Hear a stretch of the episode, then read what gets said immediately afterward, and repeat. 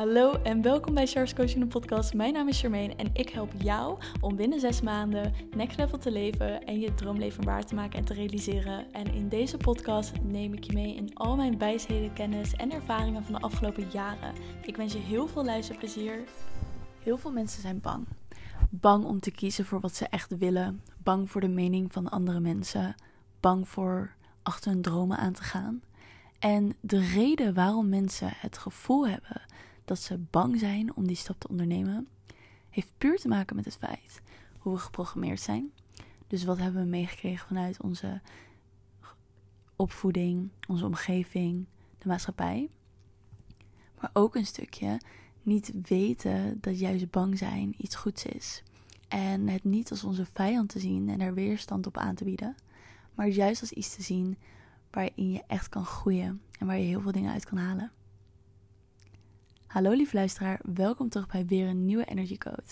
Vandaag gaan we dus hebben over angsten. En angst is een onderwerp wat, ja, waar eigenlijk iedereen wel tegenaan loopt.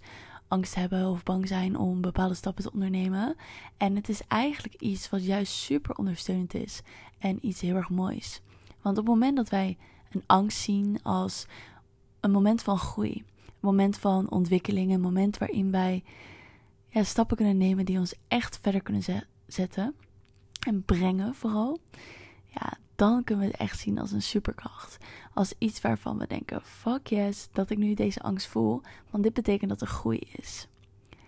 En vandaag wil ik het dus hebben over deze angst, hier dieper op ingaan. En dat je het gaat zien als jouw eigen superkracht en niet als iets wat je belemmert. Als we kijken naar angst. Angst brengt veel gevoel naar voren. Denk maar eens terug aan het moment dat je angst voelde. En breng jezelf maar terug naar dat moment. En voel er maar eens van, wat voelde ik toen op dat moment? Misschien kreeg je zweethanden. Ging je lichaam trillen? Voelde je je hart kloppen? Voelde je dat je keel dichtkneep?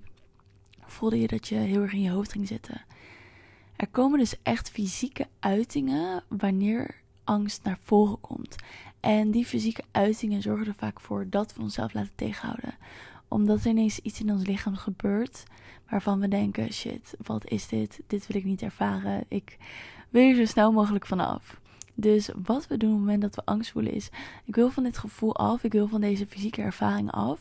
Dus ik ga mezelf afhouden van hetgene wat deze emotie triggert. Dus hetgene wat angst triggert. Dus we halen onszelf weg uit een situatie die veroorzaakt dat wij de fysieke uiting hebben van angst.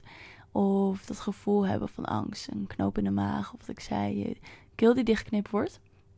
Omdat we dat niet willen voelen. We willen niet ervaren wat die emotie met ons doet. Terwijl daar zit juist de kracht. Daar zit juist het stuk waar we naartoe willen gaan. Want op het moment dat wij dus connectie maken met dat gevoel, dus met die angst, dan kunnen we gaan doorbreken. En dat is de kunst überhaupt van het leven. Ik geloof er heel sterk in dat vrijheid wordt pas gecreëerd wanneer we uit ons hoofd gaan. Echte vrijheid is wanneer we niet meer in ons hoofd zitten, contact hebben met ons lichaam en volledig onze intuïtie kunnen volgen. En wij als mensen zijn heel ver ontwikkeld en het is ergens super fijn dat we, ja, ons brein zo ver ontwikkeld is en dat we zoveel dingen kunnen en zo rationeel kunnen zijn. Maar het belemmert ons ook enorm. Want we zitten te veel in dat ego-stuk in onze fight en flight response, onze vecht- en vluchtreactie ook wel. En dat zorgt er gewoon voor dat we bepaalde actiestappen niet ondernemen, waarvan we voelen en weten dat het ons wel verder gaat helpen. Dus op het moment dat angst zich naar voren doet en we hebben die fysieke uiting, we hebben die emotie die we ervaren, is het dus echt belangrijk dat we daar doorheen gaan bewegen. Dus dat je contact maakt met dat gevoel en daar niet van wegloopt. Want angst komt naar voren omdat het iets onbekends is. Er is letterlijk een patroon die wordt aangezet om ons te beschermen op het moment dat iets als onveilig wordt gezien. Dus iets wordt als angstig gezien, onveilig. Angst is eigenlijk onveiligheid. En ons lichaam heeft deze fysieke uitingen omdat het ons wil beschermen en laten weten: hallo, alarmbellen, dit is niet goed, dit moeten we niet doen. Vroeger en dan vroeger heb ik het echt over honderden jaren geleden. Was dit echt fantastisch. Omdat we onszelf konden beschermen van wilde dieren, um, gevaarlijke soort eten, fruit, noem maar op, om ons echt te beschermen. Maar in deze tijd belemmert het ons alleen maar. Omdat er eigenlijk geen situaties meer zijn waarin we ons onveilig voelen op zo'n manier dat het letterlijk leven of dood is. Um, uitzonderlijk van andere situaties, maar in de meeste gevallen hebben dat soort situaties niet.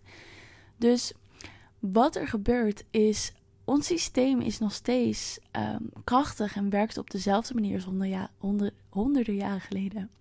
Dus wat doet het? Het geeft nog steeds alarmbellen af op situaties die als onveilig worden gezien. Wanneer worden situaties nou als onveilig gezien? Dat is op de momenten dat het uit je comfortzone is. En je comfortzone is hetgene wat jouw brein, jouw ego kent. En dus zijn de situaties die we kennen. Maar op het moment dat wij uit die situaties willen stappen, ja, dan is het onveilig, want we weten niet wat er gaat gebeuren. Ook wel angst voor het onbekende. Ook vaak iets waar eh, je tegenaan loopt of mensen in het algemeen tegenaan lopen. Angst voor het onbekende. Ik weet niet wat er gaat gebeuren.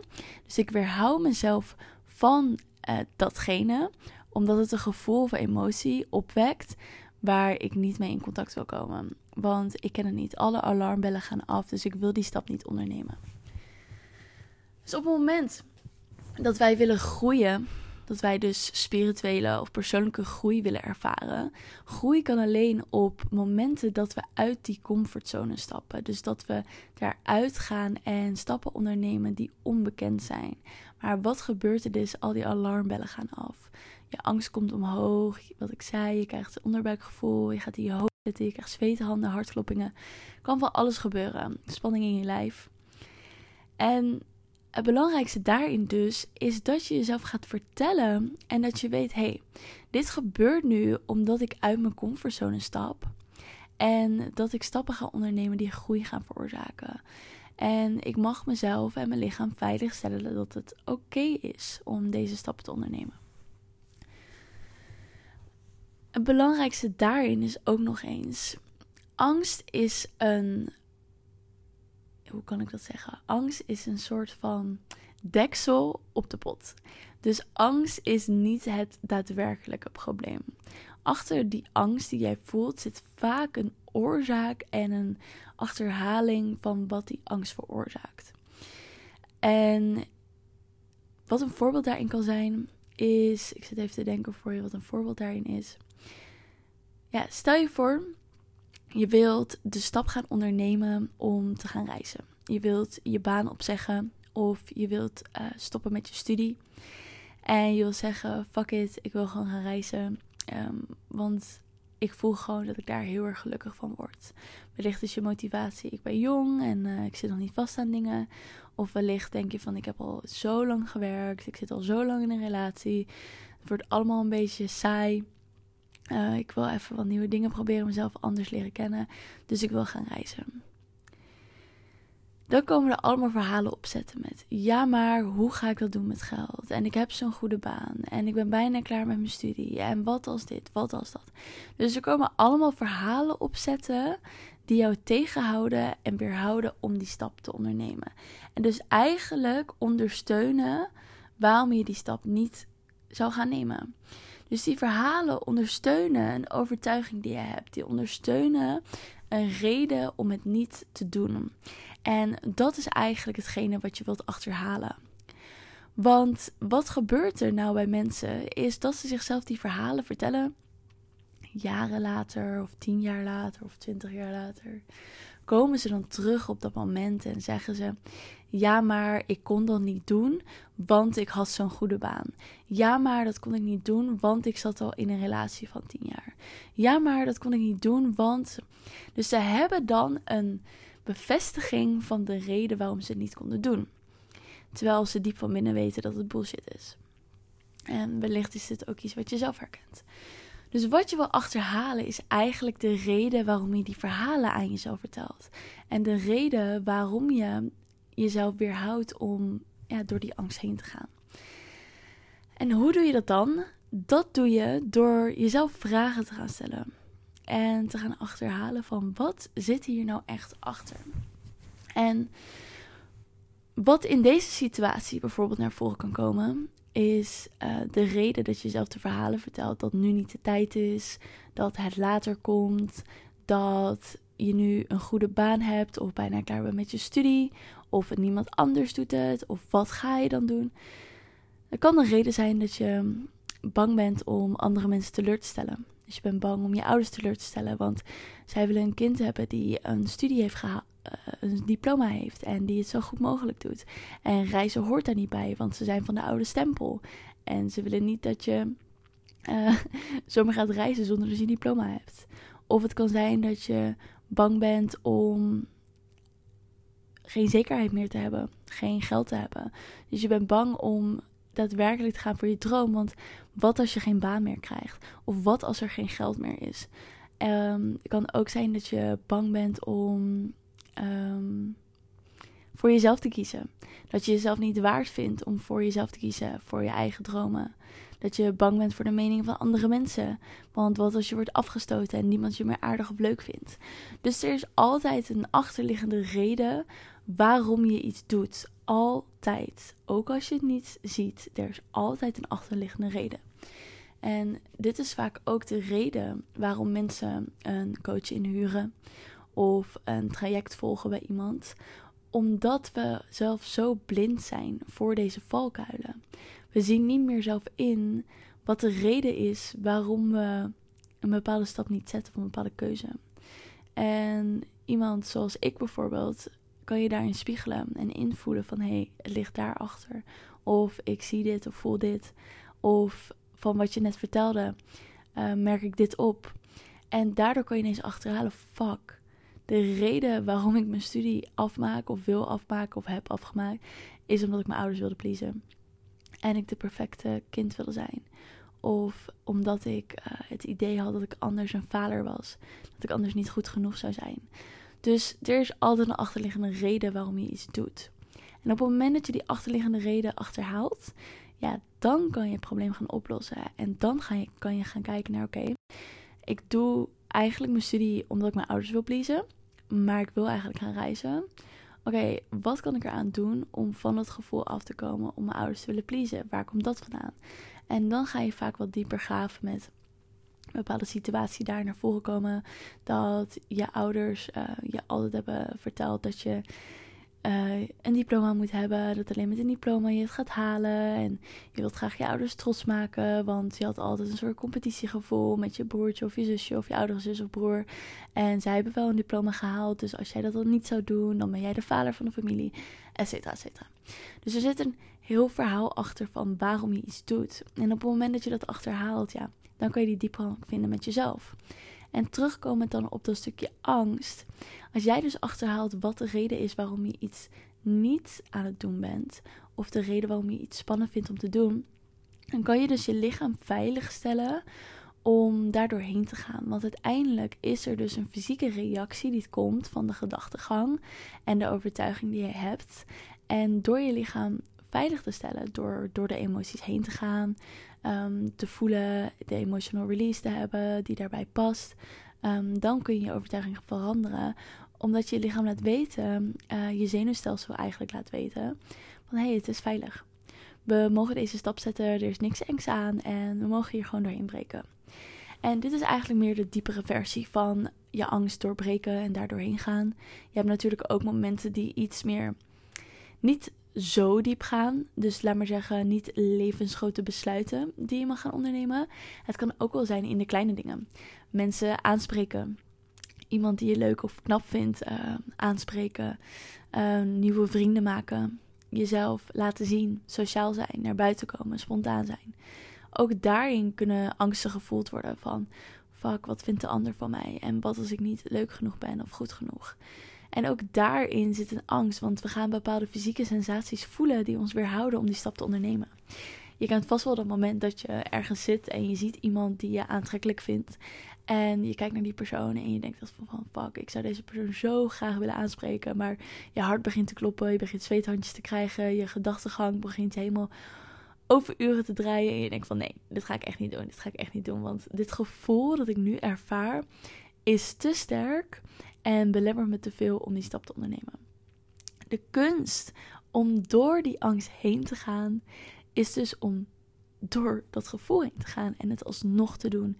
Dus desondanks dat je dat voelt, toch die stap te ondernemen. Desondanks dat je die gedachten hebt, toch de, die stap te ondernemen.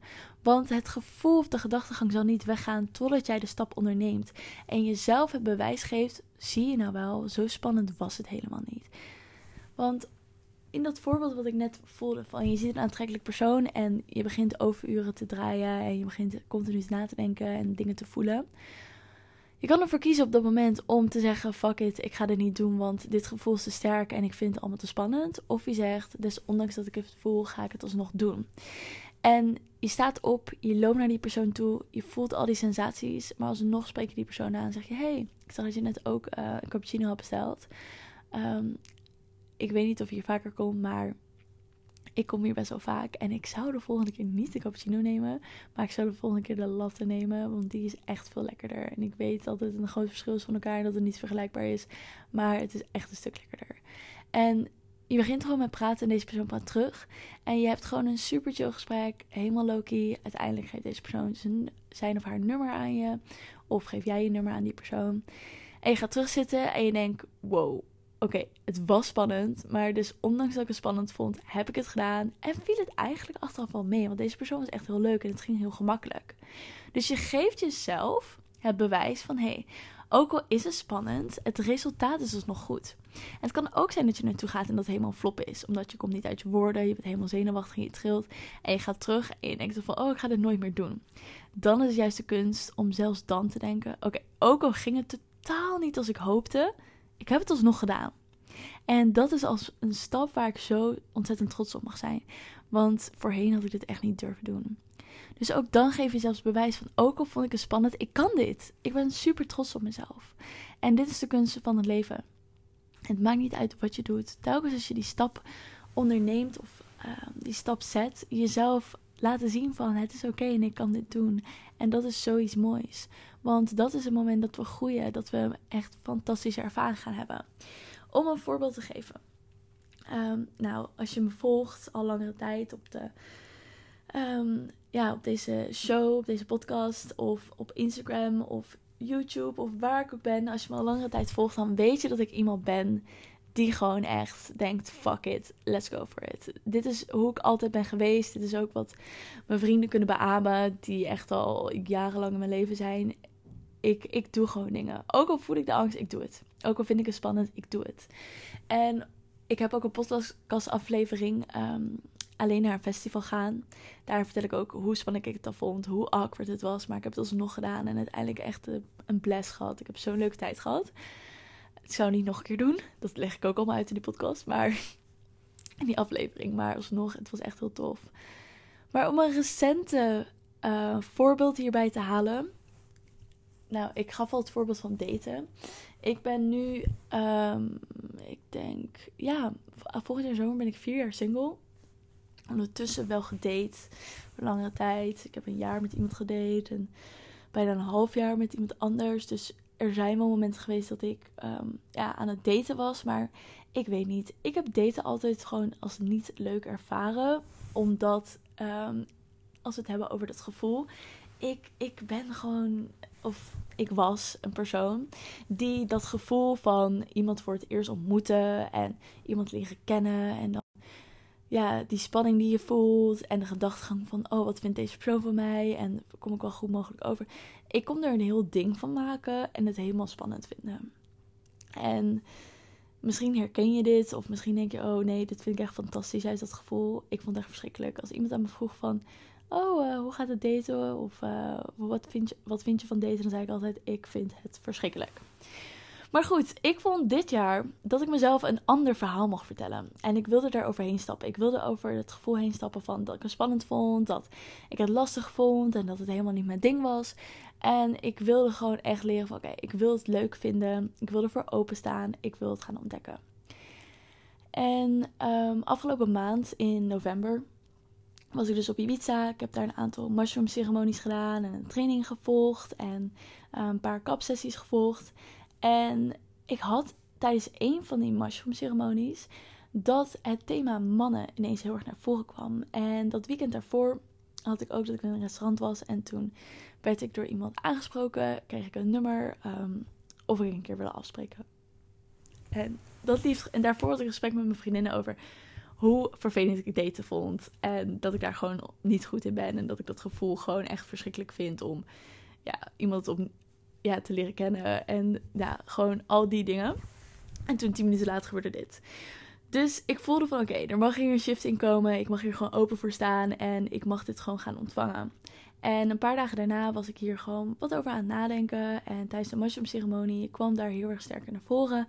Van ja, een soort van een shift die ik maakte van dat het helemaal niet spannend is. En dat het heel leuk kan zijn. En ineens kreeg ik het besef van dat ik mijn leven veel meer mag romantiseren. Dat alle mannen die ik in mijn leven heb ontmoet, dat ik er echt een leuke tijd mee heb gehad. En dat ik ook veel mannen in het buitenland heb ontmoet en op dates ben geweest daar.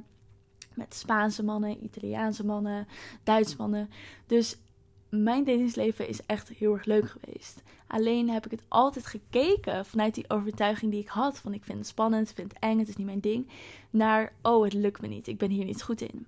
En doordat ik die shift maakte in de mushroom ceremonie, dat het juist iets heel leuks is. En uh, ineens alle ervaringen zag die heel leuk zijn geweest. Besefte ik ineens van, hé, hey, eigenlijk is het heel leuk. En ik heb echt een leuke tijd gehad. En ik heb heel veel leuke dingen ervaren. En ik heb mezelf uit mijn comfortzone gehaald. En ik heb daardoor bijvoorbeeld een land leren kennen. Wat ik anders niet had gedaan. Omdat ik niet met die persoon uh, had gedate.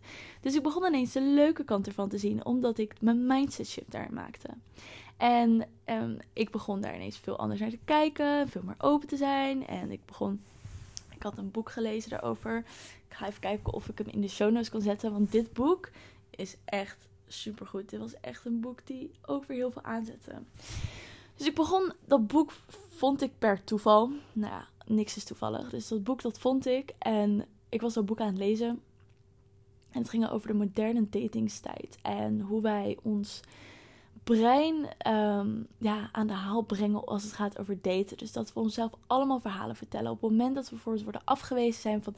ik ben niet goed genoeg, ik ben um, vast niet leuk genoeg... want anders zou deze persoon me niet afwijzen. En wat kan ik doen dat deze persoon mij zo, zo leuk mogelijk vindt? En ook al zegt deze persoon dat ze geen relatie met me willen... ga ik alsnog proberen deze persoon te overtuigen of te veranderen. En dat boek liet eigenlijk gewoon telkens momenten zien zo van... Oké, in plaats van dat je zo gaat denken, ga denken op een manier van... Het maakt niet uit als ik word afgewezen. Ik als persoon ben nog steeds fantastisch en geweldig. En blijkbaar zijn we gewoon geen match. Maar dat zegt niks over wie ik ben als persoon. Dus jezelf onderscheiden van het feit dat het iets met jou te maken heeft. Dus dit is ook iets wat ik in Mushroom Ceremonie had... wat ook een interessante is en waar ik ook zeker een podcast over wil opnemen is non-attachment.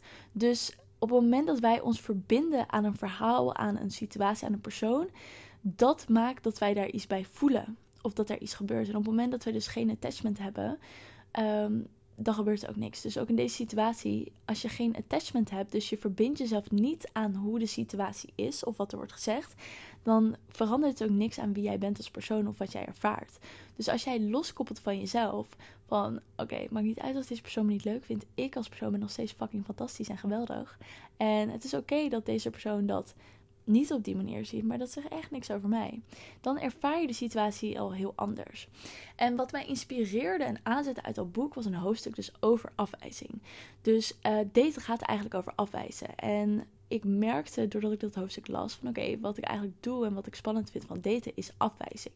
Dus dat iemand mij afwijst en dat ik daardoor iets ervaar of heartbroken ben of mezelf niet goed genoeg vind als persoon. Of andersom, dat ik iemand moet afwijzen. Dus iemand anders moet zeggen dat ik die persoon niet leuk vind. En um, dat ik bang ben om iemand te kwetsen als ik dat zeg. Dus ik zat het hoofdstuk te lezen. En eigenlijk wat ik daaruit meenam van... Het is eigenlijk juist iets super moois en juist een kwaliteit om dat te oefenen door te daten. En te leren dat afwijzing oké is. Dus afgewezen worden zegt niks over wie ik ben als persoon en niks over hoe fantastisch ik ben. En als ik iemand anders afwijs, betekent dat ook niet dat ik de ander kwets, maar dat ik gewoon uitkom voor wat ik voel en waar ik voor sta en wat ik belangrijk vind. En dan kan ik juist de relatie met mezelf verdiepen, omdat ik achter blijf staan wat ik belangrijk vind en wie ik wel en niet bij mezelf vind passen, zodat ik mijn gevoelens beter leer uitspreken. Dus zodoende nou, ik denk dat het echt pas de afgelopen drie weken is. Afgelopen drie weken helemaal daarop ingaan. En ik ben dus net mijn derde dag is dit in Kaapstad. En ik ehm, voelde daar heel erg bij van: oké, als ik in Kaapstad ben, of wanneer ik in Kaapstad ben, ga ik gewoon daten.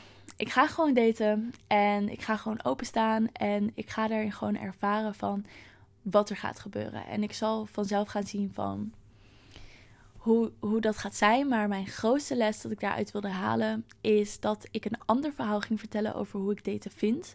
En op eerste dates gaan en überhaupt openstaan voor daten. En ook een stukje afwijzing. Ik wilde mezelf uit mijn comfortzone pushen om te gaan groeien. En daarbij wil ik dus beamen dat drie weken geleden ik dus nog dat gesprek had met mijn vriendinnen over hoe verschrikkelijk ik dit allemaal vond. Dus ik voelde gewoon, ik wil mezelf uit mijn comfortzone pushen. Ik wil mezelf een ander verhaal gaan vertellen. En ik wil weer gaan groeien. Dus besloot, als ik, wanneer ik naar Kaapstad ga, ga ik dat doen. Want dat stond toch op de planning. Dus ik dacht, nou, mooi moment om uh, die nieuwe identiteit te gaan aannemen. Dus ik ben op, op, onze grootste, grote vriend Bumble gegaan. Ik vind, mocht je Bumble niet kennen, ik vind Bumble veel leuker dan Tinder. Want Tinder geeft mij toch een beetje het gevoel dat mensen worden beoordeeld op de foto. Het heeft vaak wat meer seksueel getint dat mensen de insteek daarop hebben. Ik zeg niet dat dat continu zo is. Um, maar die insteek is er vaak wat meer. En op Bumble kan je wat meer een verhaal vertellen. Kan je iemand, je kan vragen, kan je beantwoorden op je profiel. Um, het is wat persoonlijker, vind ik. Um, ik heb eigenlijk iedereen waarmee ik op date ben gegaan, eigenlijk ook via Bumble ontmoet. En iedereen is gewoon super aardige Loki. En ik heb ook mensen ontmoet via Bumble uh, op een vriendschappelijke manier. Dus dat ik uh, met iemand op date ging, of dat ik met een vriendin was en we gingen met twee mensen op date. Ja, dat het gewoon heel low-key was en dat we dan niks voelden op die manier, maar dat we gewoon super leuke tijd samen hebben gehad. Dus dat, dat heb je daar ook heel erg. Dat vind ik gewoon heel erg leuk in die app. Nou, los daarvan, mocht je dat nog niet hebben geprobeerd, ga zeker op die app. Um, dacht ik, ik ga gewoon Bumble. Uiteindelijk um, had ik daar ook voor ogen genomen, en dat vond ik ook wel belangrijk met daten, is vrouwelijke en mannelijke energie. Dus um, dat is iets waar ik sinds vorig jaar heel erg mee bezig ben. Om echt wat meer in mijn vrouwelijke energie te staan. En met daten is dat dus ook heel erg belangrijk. Omdat wat gebeurt er um, hedendaags is dat wij als vrouwen heel erg worden neergezet in de maatschappij als wees zo zelfstandig mogelijk. Ik heb geen man nodig. Um, uh, mannen zijn slecht, mannen zijn niet goed, bla bla bla. Al die verhalen. En dat zorgt ervoor dat wij de controle proberen te nemen. Dat wij proberen om uh, alles zelf te regelen, alles zelf te doen. Dus daar ben ik het afgelopen jaar mee bezig geweest om veel meer in die vrouwelijke energie te zitten. Veel meer in die zachtheid, veel meer in, de, in het vrouw zijn. En wat daar dus ook bij hoort, is dat ik dus niet het initiatief wilde nemen om een nummer te geven of om een date te regelen. Ik dacht, de mannen die ik wil aantrekken, zijn mannen die in een mannelijke energie staan. Dus dat betekent dat zij um, het initiatief nemen, dat zij de leiding nemen, dat, um, ja, dat zij uh, die twee dingen eigenlijk doen, voornamelijk. Zodat ik dat niet hoef te doen en dat ik niet hoef te vertellen van wat er moet gebeuren en de controle in het zekerheid hoef te nemen. Dus ik ben toen op die dating app gegaan en de mannen waarvan ik voelde van oké, ik heb het gevoel dat ik moet voorstellen om iets te doen. Daar heb ik gewoon niet op gereageerd. En de mannen die zelf kwamen met hey, um, zullen we wat leuks doen of lijkt het je wat om een keer af te spreken, daar ging ik wel op in. En um, dat werkt trouwens heel goed, heb ik gemerkt, omdat je dan echt aantrekt van wat je wil aantrekken. Dus gisteren, dag 2 van Kaapstad, ben ik dus op een date geweest. En het was echt een hele leuke date. Um, het was met een Afrikaanse man. Um, uh, die hier dus vandaan komt. Wat, uh, nou, hij komt niet uit Kaapstad. Hij komt uit Botswana. Um, en hij woont hier nu al bijna een jaar. Dus dat leek me daarnaast ook nog leuk om gewoon, ja, lokaal, dat ik gewoon de stad op een andere manier kan kennen. Dus super leuk op een date meegenomen. En het leuke was dat hij ook telkens initiatief nam. Hij kwam ook met voorstellen van, um, nou je bent net gekomen, wat wil je doen? We kunnen misschien dit gaan doen. Hij betaalde het eten. Dus um, we hebben echt een hele leuke avond gehad. We zijn ook naar de Mountaineer geweest, waar we zonsondergang hebben gekeken. Dus daarin heb ik mezelf dus een ander verhaal verteld door de ervaring te doen. En dit betekent niet dat toen ik op die date ging, dat ik het niet meer spannend vond. Want ik vond het echt heel spannend. Ik dacht echt van, oké, hoe gaat het zijn? Wat kan ik verwachten? Oké, ik probeer de verwachting los te laten.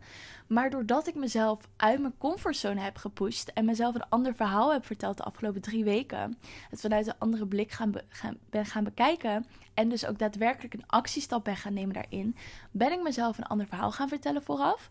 Heb ik een ervaring gehad die dat verhaal bevestigt. Waardoor ik nu denk: hey, dit is eigenlijk heel erg leuk. En het brengt me naar ervaringen en momenten die ik zal blijven herinneren. En waardoor ik een plek op een andere manier leer kennen.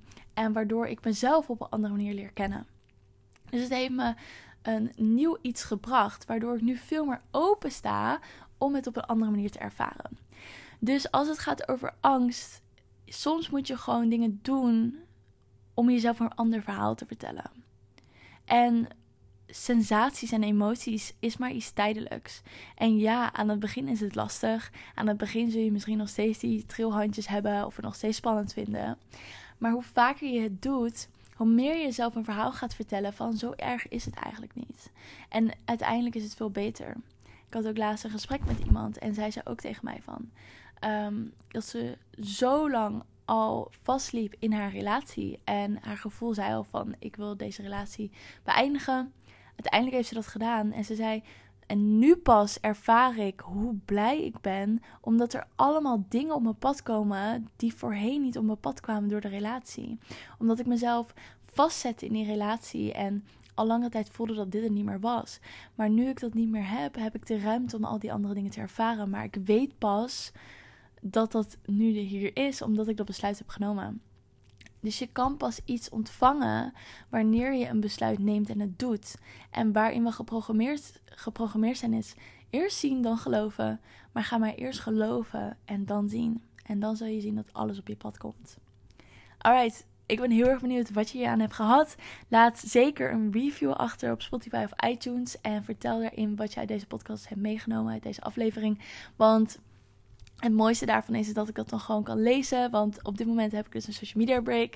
En daarin zal ik ook nog wel een podcast over opnemen. Of een aflevering. Want ehm, ik ben nu bijna drie weken, denk ik. Ehm, of twee weken een social media break. En I love it so, so, so much. Het is echt. Ik, ik maak geen grapje. Het heeft letterlijk al zoveel veranderd. Uh, het, ik denk echt dat ik het gewoon de hele tijd hier in Kaapstad ga doen. maar we will see. Uh, maar ik ga je zeker nog afnemen. Als ik mijn maand heb aangetikt, dan ga ik hier een aflevering over opnemen. Want ik, ik meen serieus, dit gaat echt zoveel voor je shiften als je dit een keer gaat uitproberen. Um, dus laat vooral een review achter, zodat ik dat kan zien. Um, of stuur even een e-mail naar hello.shortscoaching.gmail.com als je je vragen hebt. En ik hoop je te horen bij de volgende podcastaflevering. En wat ik zei, ga even naar de show notes voor het boek. Uh, die zal ik daarin zetten. Dankjewel voor het luisteren. Vergeet me niet te volgen op Instagram. En je helpt mij ontzettend door een review achter te laten op iTunes. Daardoor wordt de podcast nog meer zichtbaar. En natuurlijk door het te delen met je vrienden en familie.